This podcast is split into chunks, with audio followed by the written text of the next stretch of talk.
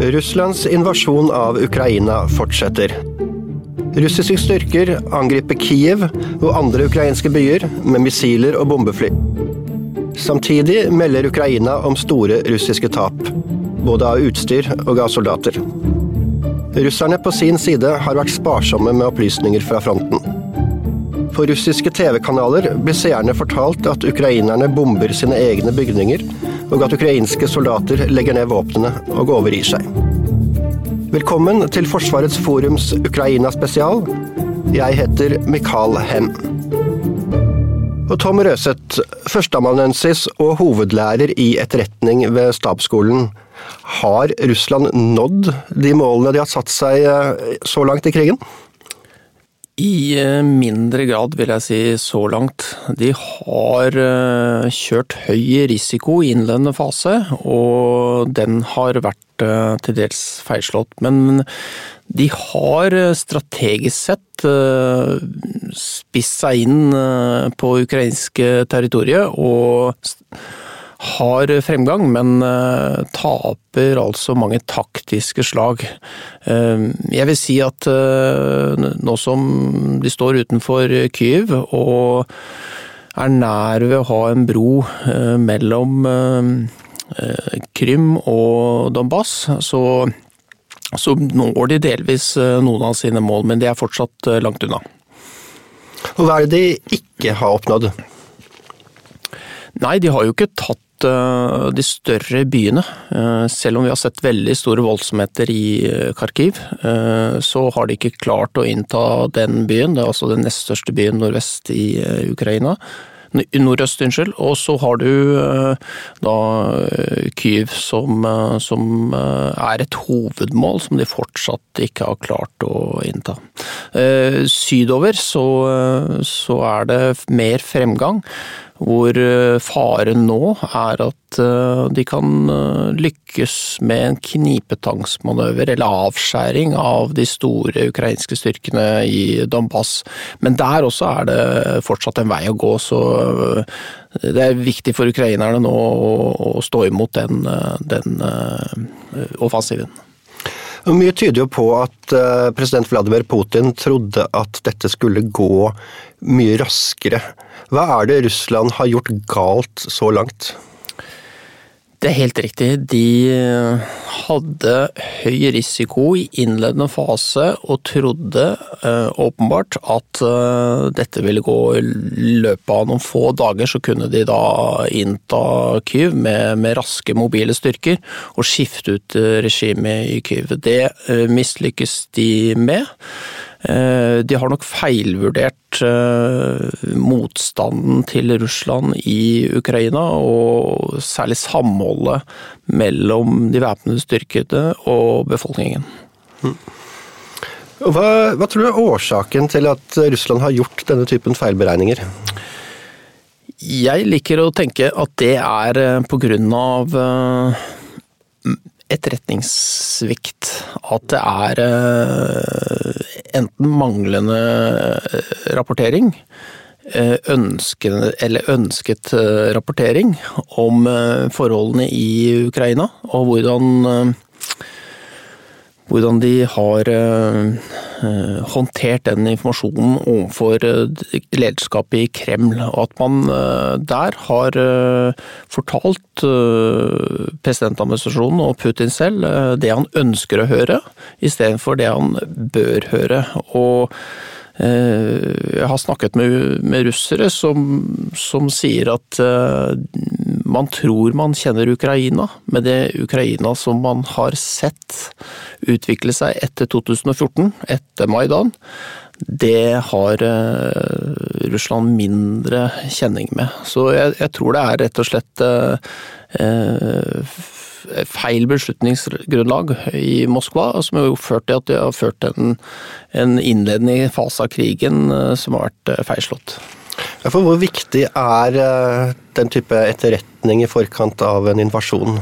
Ja, Det er svært viktig å ha riktig situasjonsforståelse. Skal du utføre militære operasjoner, eh, eh, så, så, må du ha best mulig kunnskap, og ikke minst eh, kunnskap om, om befolkningen. Altså det viser seg at, som vi har sett, flere indikasjoner på at de russiske styrkene som gikk inn, trodde de gikk inn for å frigjøre et folk. Og når du da møter folket et, et veldig eh, motstandsvillig folk, så, så, erfarer du at virkeligheten ikke passer sammen med den du har blitt fortalt med på andre siden av grensen.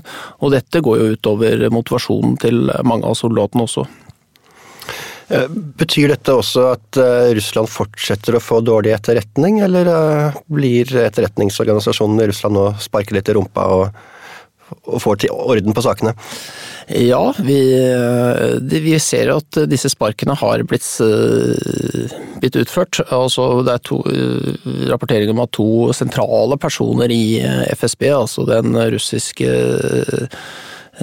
sikkerhetsorganisasjonen for innenrikssikkerhet, men også en del utenrikssikkerhet. Der har to sentrale personer med ansvar for Ukraina blitt satt til siden, eller, eller kanskje sparket eh, noe. Og de, eh, det er jo eh, i tilfelle et veldig sterkt signal på at man ikke er fornøyd med den innsamlingen som er gjort så langt. Og så er det jo de faktiske forholdene på bakken, noe som helt sikkert siger innover i beslutningsstrukturene i Moskva. Men vi har jo sett at Putin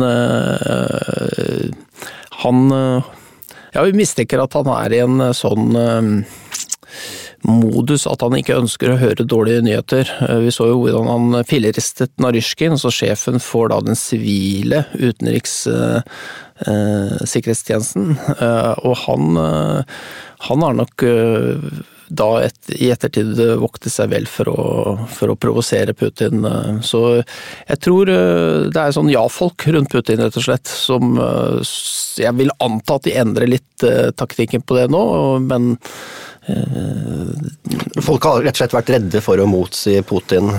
Ja, man har Når du er enerådig, sånn som man demonstrerte med den eh, seansen med det russiske sikkerhetsrådet, så, så er det ikke klima for å komme med dårlig nytt nødvendigvis.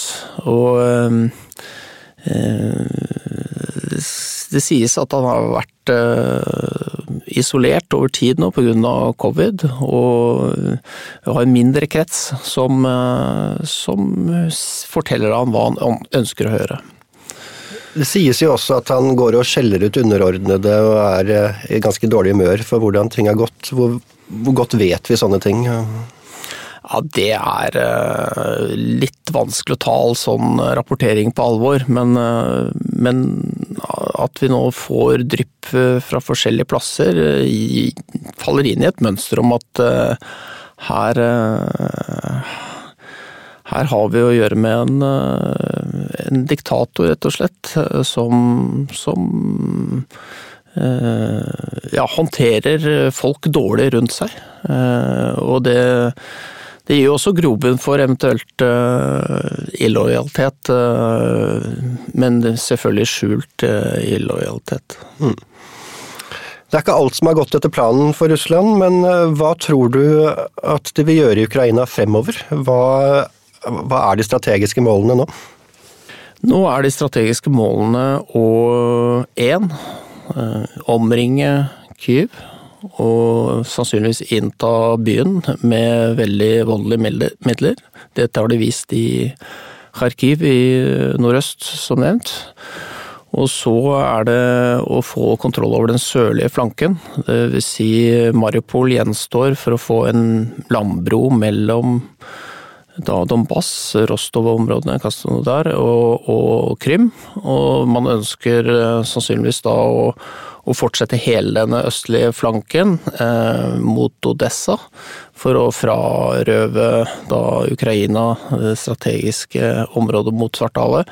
Men eh, det kan også ses som om de, nå den siste utviklingen at eh, styrkene da sør ved, ved Mikolajev, altså den byen før Odessa, i vestlig retning. Der vender de russiske styrkene seg nordover for å da eventuelt ta en knipetangsmanøver. En, en avskjæring for å da av, ja, lukke inne de ukrainske styrkene som er i Donbas-området. Og Hva vil det bety for Ukraina hvis denne manøveren er vellykket? Nei, det, Da vil jo i tilfelle Ukraina miste en, en, en stor del av sin hær, og den mest trente hæren. Så da vil det være et alvorlig slag mot, mot den ukrainske forsvarsevnen. Og Hva tenker du vil være den ukrainske strategien nå for å forsvare seg mot invasjonen? De vil nå holde byene så godt de kan, og der har de også mulighet til å yte veldig stor motstand. Så det å ha Kyiv intakt, forsvare hovedsetet, forsvare presidenten og ledelsesapparatet der, det er jo primærmål. Og så er det å holde stand mot den russiske invasjonen i alle retninger for øvrig, da. Og det å selvfølgelig nå så er det prekært å hindre denne mulige russiske avskjæringen av styrkene i Donbas. Du snakker om et angrep mot hovedstaden Kyiv. Hvordan vil en bykrig i en så stor by som Kyiv utarte seg? Kyiv er en veldig stor by, ja. Med da i fredstid 3,5 millioner innbyggere. Det er en by med store gater, tidvis. Og men også gamle byer med, med trangere områder. Hvordan en sånn bykrig vil arte seg, er jo mye opp til hvordan Russland ønsker å føre den. Vi har sett i Kharkiv da, at de bruker tungt artilleri, bruker rakettbatterier og fly til å bombe. Så det, hvis de da kjører samme strategien mot Kyiv, så blir det stygt. Mange sivile tap, store ødeleggelser av en av Europas vakreste byer. Hvis, du, hvis man går, velger å gå mer lettere til verks, med, med, mindre pansrede, eller pansrede kjøretøy og stridsvogner inn i byen, og prøver å ta ut kvartal for kvartal, så vil det være igjen veldig utsatt, de russiske styrkene. Og vi kjenner jo til at ukrainerne har jo javelin altså panserbrytende våpen fra amerikanerne som lett vil plukke ned disse kjøretøyene i trange, trange brystøk. Så, så, det er jo vanskelig å innta en by, rett og slett. Og kanskje spesielt vanskelig å innta uten at det blir store sivile tap? Det er jeg redd for, ja. Vestlige land har jo sendt en del våpen til Ukraina. Hva er det ukrainerne trenger av assistanse og våpen fra utlandet? Det som er det mest prekære, er luftvernvåpen. At, for der har Russland De har jo ikke luftherredømme over Ukraina, men de har luftkontroll i, i flere deler av Ukraina. Og de har muligheten til å angripe med missiler. Og det er jo, som vi så da vi på vestgrensen til Polen for to dager siden, kan potensielt utgjøre veldig stor skade da, og komme, ganske, komme overraskende på. Så det å få De har jo fått noe lettere våpen, antiluft, Stinger-raketter fra amerikanerne og andre. Og det er selvfølgelig veldig bra, men skal du håndtere missiler og sånn, så trenger du bedre systemer. De har noen S-300, altså veldig kapable bakke-til-luft-systemer, men du må slå de av og på. og det er ja, det, det, de er jo utsatt også, selv om de er mobile, de, de systemene òg. Så luftvern vil jeg si er det viktigste de trenger. Mm. De siste årene så har jo Russland sendt mye penger inn i sitt eget eh, forsvar og sitt militærvesen. Og har, Putin har jo selv ved flere anledninger vist frem skinnende nye våpen, uh, hypersoniske missiler, nye fly, nye torpedoer. Men i Ukraina nå så ser vi jo veldig mye gammelt utstyr. Hvorfor, ikke, hvorfor ser vi ikke disse skinnende nye fancy våpnene? det har blitt en krig som ikke er slik som den, kanskje den russiske hæren og de væpnede styrkene er, er, innrettet for. Det har blitt ikke en krig på åpent lende eller uh, med, med, større våpenplattformer mot større våpenplattformer, altså f.eks. til havs eller, uh, eller, i luften. Det er blitt bykrig i hovedsak når og man fikk ikke beveget seg også på frostmark i, i innledende fase. Så, så, jeg tror nok at uh, russerne har kapable våpensystemer. De har ikke vist sitt fulle sin fulle potensial, men de har heller ikke fått anledning til det. Og så kan man eh, diskutere har det vært fordi de har ønsket å spare sivile, eller er det fordi de holder ting i reserve, eller er det fordi det, det rett og slett ikke har vært mulig å anvende alle disse systemene. Har du noen teori om hva som er årsaken? Ja, jeg tenker at eh, det er litt den formen på krigen og bykrig som gjør at du kan ikke putte inn alle disse eh, ødeleggelsesvåpnene på samme måte. Eh, du må ta hensyn til sivile, i hvert fall i en viss grad. Nå er jo russerne også vist i denne konflikten her at det er en sekundær, sekundær faktor, men, men allikevel så, så, har det vært en del av av, av strategien. Å ha en sivilbefolkning og, og prøve å overbevise i ettertid, da. Ikke sant. Kan ikke um, man så jo for seg at man kunne skifte ut regimet eh, til mer østvendte uh, ja, uh, politikk. Så uh, det er nok mye der. Og så er det det at man ønsker jo ikke å bruke alle våpensystemene i tilfeller man trenger det på et senere tidspunkt. Vi har jo også sett i denne krigen at uh, ukrainerne har brukt uh, bl.a. Javelin-missiler mot uh, stridsvogner. Og er dette en krig som viser at stridsvognens tid er forbi? Ja, Det skal jeg være forsiktig med å si. Men det er klart, i, i bykrig så er ikke det det optimale eh, verktøyet. Eh, det fungerer på klassiske slagmarker, og hadde vi hatt en frost, frostmark i Ukraina, nå har det vært kaldt i siste tiden, jeg vet ikke om det nå er mer opportunt å operere med, med beltevogner, men eh, det, det Uansett så er en bykrig eh, en annen form for en krigføring hvor du da lettere kan eh, ta ned slike, slike plattformer eller slike stridsvogner. Mm. Eh, også I en krig så vil også alle partene forsøke å påvirke informasjonsflyten. Og vi får jo mye informasjon fra bakken fra, fra Ukraina. Eh, men hvor mye kan vi stole på den informasjonen? Godt spørsmål, og de sier jo at i, i eh, krig så er det den første mm -hmm. ting som, som eh, tapes, det er sannheten. Eh, jeg, jeg, eh, tenker at man må være kritisk, selvfølgelig. Og det er Spesielt fra russisk side så er det jo et informasjonsslør og informasjonslokk overfor egen befolkning og internasjonale samfunnet som er er uh, veldig sterk.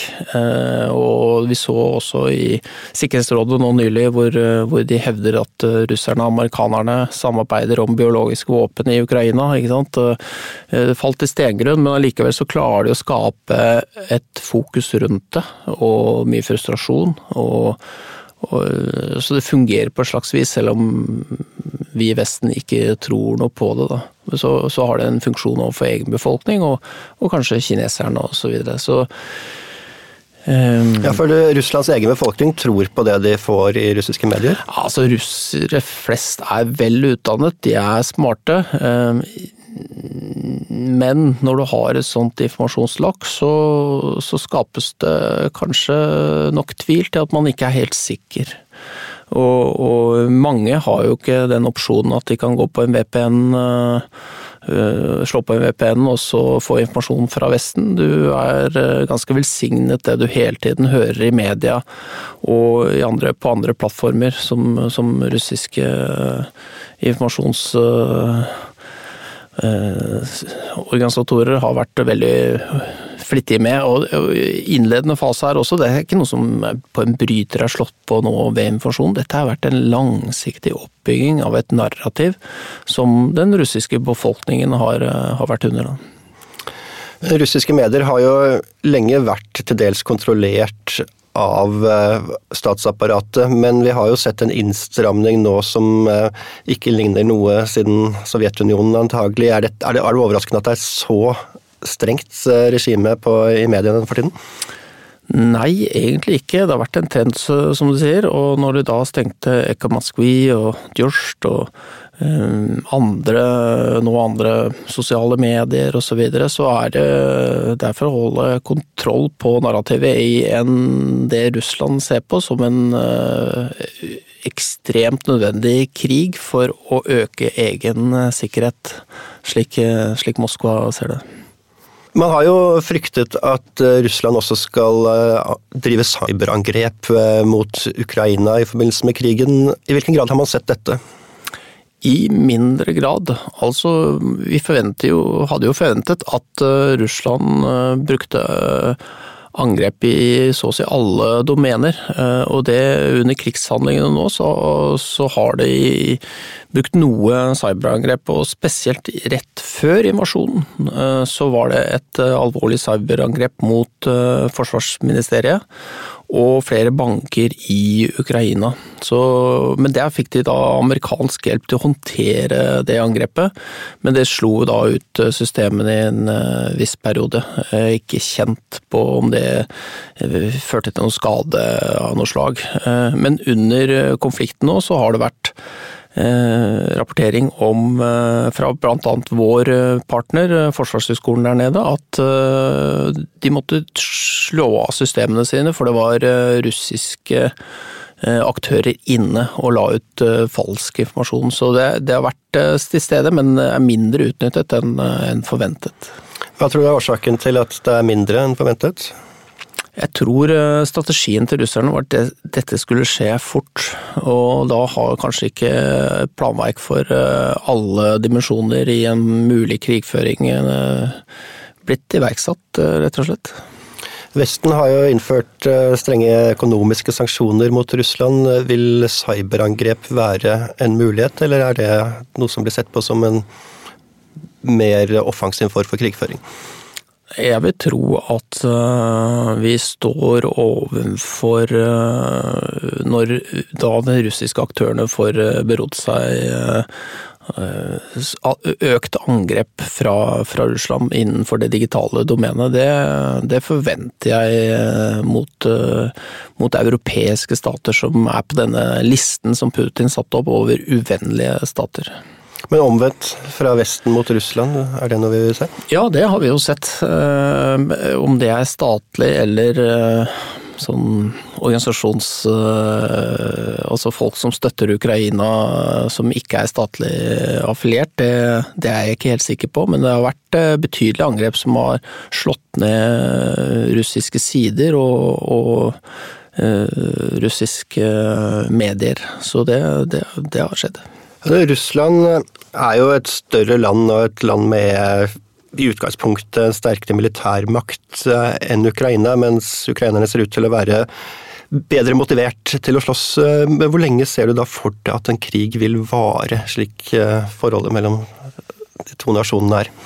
Ja, De siste dagene har vi sett at ukrainerne har holdt stand, og det jeg jo også fordi at russerne har hatt sterke logistikkutfordringer. Og mm, de har men de russiske styrkene liksom kryper seg framover forskjellige steder, da, spesielt i sør, men også litt østfra. Så Eh, vi vil nok eh, se en eh, krig som vil vare. Det tar tid å innta Kyiv, hvis det er det de nå fortsatt går for.